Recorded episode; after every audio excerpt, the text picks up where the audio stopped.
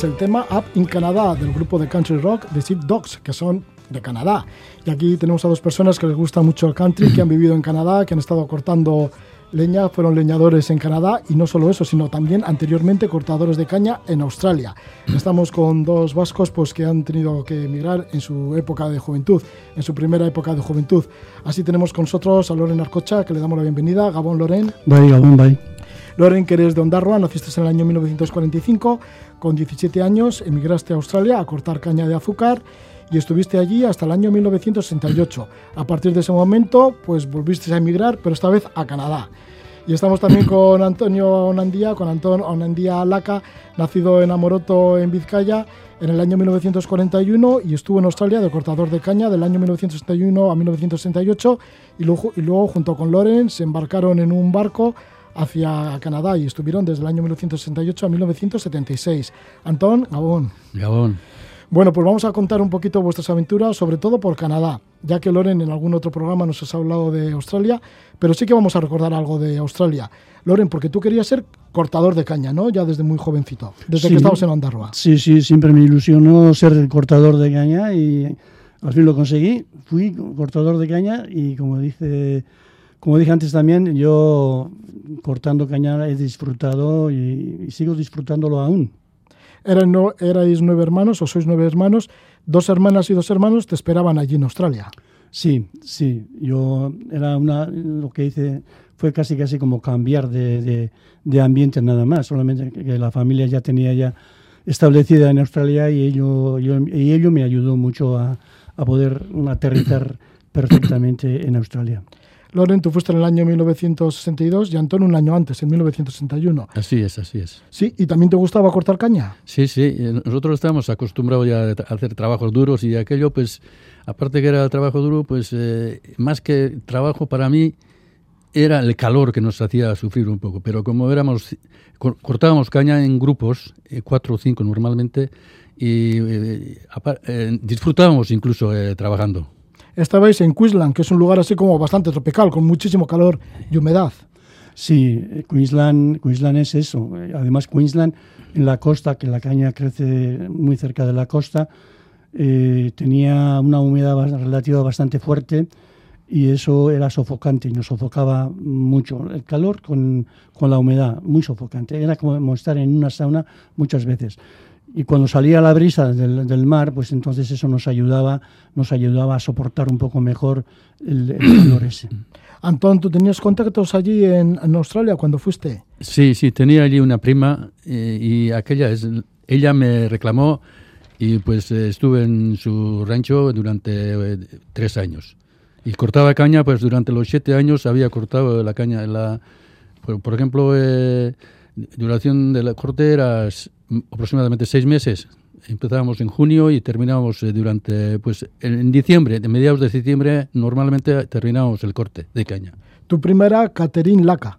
Catalina Laca, Ah, Catalina Laca. sí. Ya. Y todavía... Catalina qué era? ¿Nació ella en Australia? No, no, no, nacido en Amoroto. Ah, también. Sí, sí. Y pues ella todavía, mira, que tiene 94 años y vive, y sigue viviendo allí en Australia, ¿eh? Y Ella ya tenía su finca, su granja. Sí, sí, sí, te- lo tenían, sí. Y su marido también era de Amoroto. ¿Cómo era el trabajo de cortador de caña en Australia, en Queensland? ¿Cómo? ¿Cómo era el trabajo? ¿Cómo lo hacías? Va, trabajo eh, era un poco duro, pero yo, como te lo había dicho antes, eh, entre amigos pues disfrutábamos trabajando. El trabajo era exigente, era, a decir la verdad era exigente, era, era un trabajo muy intenso y no había, no, no había tiempo de descanso casi, casi era, era un remar constante, era un cortar constante, pero mm, el cuerpo se acostumbraba a este ritmo. Eh, nosotros cuando empezamos el corte de cañas y pesábamos pues quien, dice 85 kilos al acabar la caña, pues pesábamos 73 o 72. Vosotros que hablabais en, en euskera, claro, que era vuestro idioma, ¿no? Sí, en nuestro caso to- el grupo éramos... ¿Aprendíais servi- inglés también o...? Bueno, eh, aprender pues siempre, más que inglés, yo trabajé con los italianos, pero en el grupo cortando caña éramos cinco vascos, eh, muy amigos, además por eso lo, lo disfrutábamos trabajando. Y siempre en euskera, ¿no? Hablabais así. Sí, sí. Además creo que mezclabais palabras en inglés con euskera, ¿no? Hombre, eh, sí. muchas palabras eh, que decíamos en euskera eran cogidas del inglés y cuando hablábamos el inglés pues, tratábamos de hablar el inglés, pero en euskera hablamos inglés y euskera, todo mezclado casi, casi. Había muchas palabras que eran eh, eus- euskaldunizadas, pero que eran del inglés. Entonces era una, era una mezcla a veces que... Y los mayores, que los que llevaban ya tiempo allí, ellos mezclaban mucho más aún. ¿no? Nosotros copia, les copiábamos, nosotros sí cogíamos las mismas palabras, como el fridge, el, el- el- como para- por la nevera, el frigorífico, decimos, eh, harto eh, y cosas así, ¿no? Y bueno, como esas, un- una tonelada de, de- de palabras, pero bueno, en la base de la lengua de, de comunicación entre el, en el grupo siempre era el euskera. Euskera. ¿Cómo lo hacíais también con, con los animales que había en Australia? Bueno, animales allí, eh, canguro era el que, wallaby, que le llamaban ellos, es más pequeño que el canguro, pero no es agresivo ni nada allí. Y ganado también había, pero si no, no había animales como, sí, sí, había de todo, ¿no? Ganado y, y, y. Las serpientes había. Ah, ah, ah, eso había serpientes que, que- no me- me a da mí siempre me han dado pánico y, y al ver allí mm, a unas serpientes con las, con las dimensiones que tenían y otras con lo venenoso que eran, Sí. pues siempre, siempre les he tenido no solamente un respeto, sino les he tenido miedo y mucho miedo además. Se- pero cuando quemábamos caña, para cortar había que quemar. Y entonces aparecían allí pues, un montón de eh, culebras, pero muertas ya, quemadas. Pero, pero vivas, eh, hay algunas que eran eh, muy venenosas, desde luego. Muy venenosas y algunas creo que bastante grandes. Sí, la, la cap snake es muy Sí. grande, pero grande, grandísima, que traga que traga cualquier cosa, que se traga animales y todo, que traga terneras, que son terneras pequeñas y eso, los, los traga. Es, es, es grande y, y cuando está hambrienta, incluso peligrosa en el sentido de que para con los críos pueden tener algún problema. ¿Se los puede comer o así?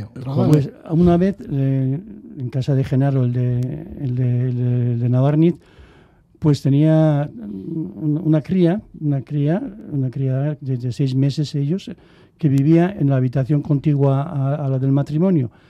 Y una noche, pues el, gato de la casa estaba aullando, pero aullando desesperadamente, pero cerca, al lado, al lado donde estaba la, cuna de la cría.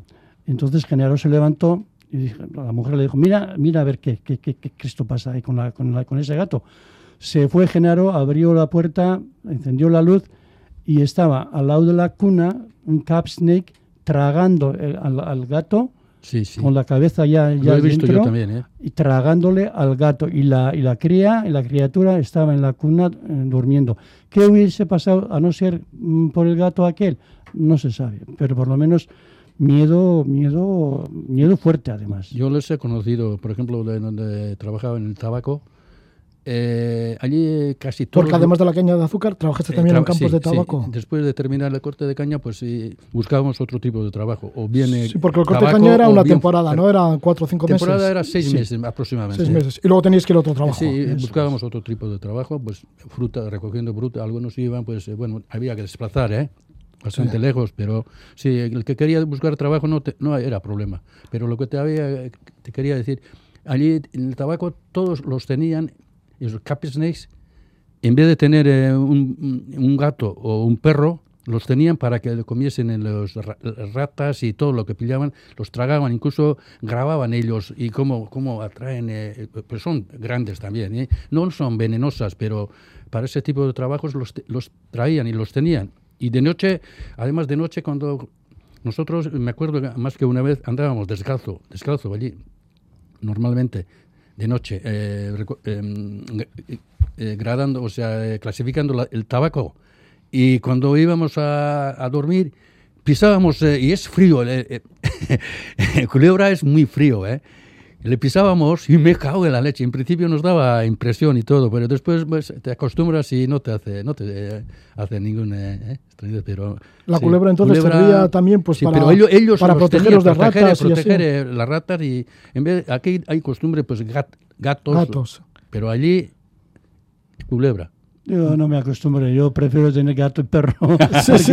que una No, no te crees Sí. que ellos pues, te daban esa, esa cosa de que, joder, te, te hacía saltar, pero Loren, porque tú tenías una, una planta carnívora que era amiga sí, tuya. Sí, sí, la, la planta carnívora aquella, con aquella yo pasaba horas, horas, horas en días diferentes, pues solía ir allí, venga, a, a jugar con la planta carnívora aquella. Yo le trataba como si fuese una chica, ¿eh? la verdad, no sé si era chico o chica, pero le trataba como si fuese una chica. Y ahí la tocaba, ella me, me agarraba de los dedos, del dedo, de la mano, y así. No, era, era, era una, eran cosas diferentes que no, yo no había vivido antes ni, ni los había ni siquiera imaginado. Pero interesante, sí.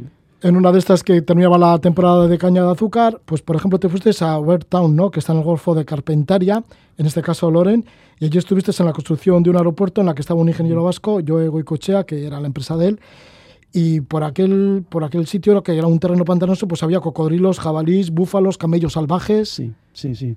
Era un sitio muy interesante, Sí, muy era. bonito, muy bonito en todos los sentidos, además, eh, incluso el trabajo y la gente, y la gente que había allí, eh, en, la- en la- en el poblacho aquel, que era un pueblo chiquito, Blacktown era muy chiquito, habría unas 50 personas de raza europea, el resto, todo el resto eran aborígenes de, de- de Australia sí. y ninguno de ellos hablaba el inglés, solamente uno, eh, el Tom, el Bob, hablaba solamente el inglés. Era, era un chaval él cuando nos dijo que, que, que era el chaval cuando vinieron los soldados americanos en- con lo de la guerra del, contra el Japón y tal, que estuvieron ahí los, los americanos y aprendió con ellos el, el inglés. Pero el el- la vida que llevaban ellos, la vida natural eh, los aborígenes era, era una cosa preciosa de contemplar y de ver cómo, cómo se manejaban, cómo pescaban. Y, y trataron de enseñarnos a nosotros a pescar y nosotros no aprendimos nunca de la forma en que ellos solían pescar. Ellos, no sé, parecía que le atraían al pescado a sus, a sus trampas y nosotros no, no éramos capaces de hacer lo que hacían ellos. Era muy interesante. Antón, tú también estuviste por allí, por el Golfo de Carpentaria, que No, queda muy no. al norte de Australia, ¿no? Que es un golfo Sí, así. sí, arriba, como- arriba de todo. Arriba sí. del todo, que ahí tiene que No. pegar el calor, ¿no? Sí, muy, muy mucho. Sí, había calor, pero entraba la brisa del, del Golfo, entraba la brisa y, y era, y, era, y era agradable. Yo la verdad se ha dicho, era agradable aquello. Después de unos cuantos años allí en Australia, pues eso, de 1961 a 1968, en el caso de Antón, en el caso de Loren, de 1962 hasta ese año de 1968, os tuvisteis que ir de Australia porque ya se mecanizó la caña de azúcar y decidisteis emigrar. Así es. Sí, ¿Y para dónde? Lo ¿Para Canadá? Loren fue el promotor, o sea. no, promotor, Ah, sí. no. Estábamos pensando ahí a dónde ir, a ir a Sudáfrica o a Canadá. Teníamos esas, esas opciones en mente. Y claro, pensamos, pues si vamos a, a Sudáfrica es parecido a Australia en, en- en cuestión de clima, o no de clima, pero sí de temperaturas, de, de- de calor y todo eso, ¿no? Entonces optamos para, por ir por al, al Canadá. Por aquel entonces eres muy jóvenes todavía, claro. Sí, yo tenía 23. 23. eh, Yo el veinte- Antón ve- 20 26. 26, Tomás 24, 25, éramos jóvenes. Jóvenes, los tres jóvenes. Entonces optasteis por ir hacia Canadá. Al Canadá. Y en Canadá fuisteis en barco desde Australia, desde Sí. Sydney. Así es. nos, nos embarcamos en, eh, en Sydney, hicimos escala en Auckland. Además, tengo que decir que en Auckland, en el equipo de fútbol de Auckland, hay un, el portero es, es, es de Ondarroa, Eñaut eh, Subicaray, el- el que fue portero de la Real Sociedad por muchos años. Ahora está allí. Y el año pasado le dieron el permiso, el, el premio al mejor portero de Nueva Zelanda. Hicimos escala en, en Auckland, de ahí fuimos a Ahí fue el primero, sí. Nuku'alofa, en Tonga, Tonga. una isla preciosa, eh, con un clima eh, agradable, muy húmedo, eso sí, era, son islas. Y de allí fuimos a Hawái, a, a Honolulu. Y allí paseamos por Waikiki, que hoy en día todo Dios dice que he estado en Waikiki, pues nosotros también aquí en aquella Sí, época habíamos estuvimos estado, paseando en el Waikiki, en el Honolulu, y de allí fuimos a Vancouver, a- al Canadá. Y allí ya desembarcamos, y allí ya teníamos contacto establecido con un matrimonio, con Pedro Zabaleta, eh, tío de Martín Zabaleta, el, Sí. el famoso montañero. Que subió al Everest en el es, año así es, el 1980. primero. Así es, así es. Eh, casado con Miren. Balanzategui. Zabaleta, según, según las costumbres anglófonas, Zabaleta, pero en realidad Miren Balanzategui Balanzate- era. nacida- Nacida, en Australia, australiana, y, la- Ujú. y vivían en, en Vancouver. Y allí fuimos a, ante ellos y, y con ellos estábamos. Así que bueno, os fue muy bien en ese barco, con esas escalas tan bonitas, en el barco que se llamaba Canberra, que salió de Sydney y que terminó en Vancouver. Estabais, bueno, pues Lori Narcocha, Antón Onendía y también el, Tomás. el- el otro componente era Tomás Ogarteburu, ¿no? Tomás Ugarteburu, sí. Sí, entonces llegabais allí, ya tenéis el contacto de Pedro Zabaleta, el tío de Martín Zabaleta, el gran escalador, que también estuvo, por cierto, Pedro Zabaleta en Australia. Y a partir de ahí, ¿cómo hicisteis para entrar de leñadores en el bosque canadiense? Bueno, los Zabaletas ya tenían, bueno, conocían a bastante gente y nos introdujeron a, a muchas, a muchas amistades eh, suyas, entre ellas a Luis Iturregui, uno, un cortador de leña de aquí, de, de Sopelana. Eh, nos introdujo a él y él nos introdujo a, a nosotros en el mundo del bosque canadiense. ¿Cómo era este mundo? ¿Qué se, qué se os presentaba? Bueno, eh, Porque se supone que el bosque canadiense es inmenso, ¿no? sí, sí. Que te puedes perder y- enseguida, sí, para sí, empezar. Y precioso, el que le guste paisaje, eh, paisaje natural, desde luego eh, es precioso. Pero árboles allí hay de todos los tamaños, o sea, eh, algunos tienen cientos de años eh, y se pudren, se caen, y después hay pequeñitos también y de todo tipo. De, pero es precioso. En toda- todas formas, Vancouver, la ciudad también es preciosa, pero el paisaje es, bueno, no hay palabra, preciosa. Cuando llegasteis entonces a Canadá, ya estabais a gusto, ¿no? Ya con el paisaje, Sí, sí. con lo que os esperaba, con los contactos. ¿Y cómo fue el primer, el primer contrato, la primera contrata? La primera contrata fue muy dura, ¿eh? muy dura. Fue una contrata en, un, en una era, en un espacio donde había habido otros equipos de leñadores trabajando allí y que habían abandonado porque el terreno era muy inhóspito, muy inhóspito en el sentido de que para comunicarse con el, con el mismo trabajo, pues no había otra forma que de establecer tiendas de campaña y vivir en las tiendas de campaña. Porque teníamos desde la pista mm, rodada al sitio de trabajo, al lugar del trabajo, hacía falta dos, dos horas y media de, caminata a, a- a- a prisas, diciendo, con todo, con todo el equipo montado, con todo, con todo a cuestas y cruzando torrentes que llevaban muchísima agua, muchísima corriente. Y claro, cruzar los corrientes, las corrientes aquellas, mm, en los torrentes tenías que mm, lanzar un, un árbol, cortar un árbol y que el árbol hiciera de puente y tú, ca- como en la cucaña, tenías, tenías que cruzar el tronco y cruzar eso.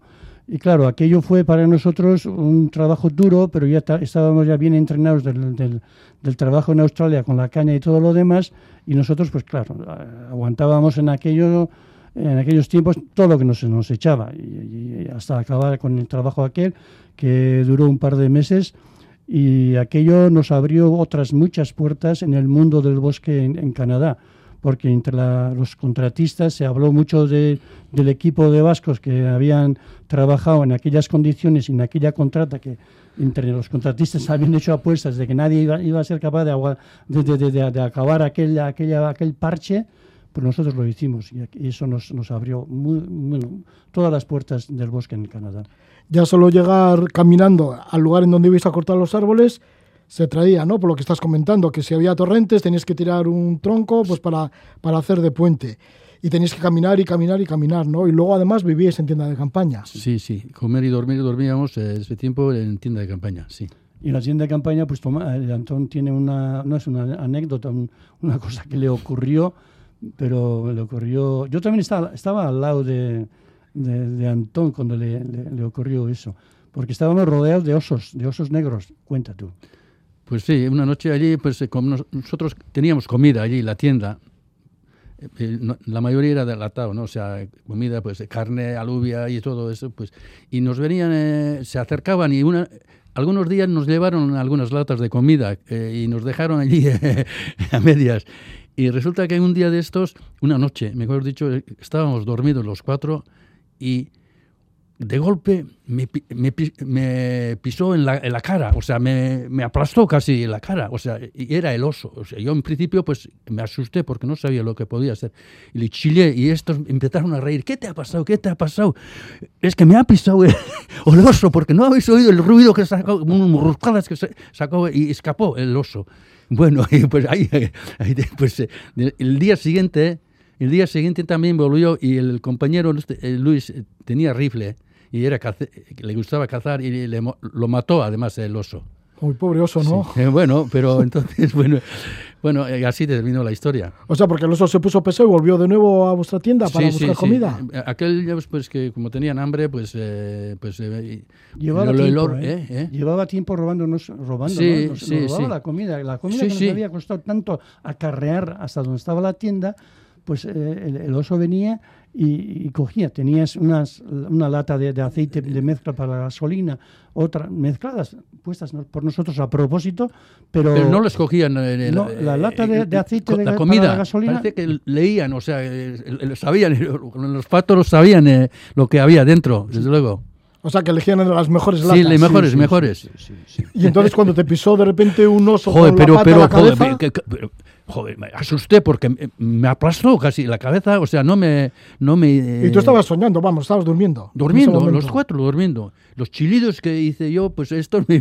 ¿Pero qué te ha pasado? ¿Qué te ha pasado? Joder, me ha aplastado el oso. O sea, el o- sabía que era oso porque él también se asustó. O sea, eh, hizo unos ronquidos y... oh, oh, y escapó, o sea, se marchó. Os asustasteis los dos. Al, al chillar tú, él también se asustó. y Los "Me dos, los largo". dos a la vez.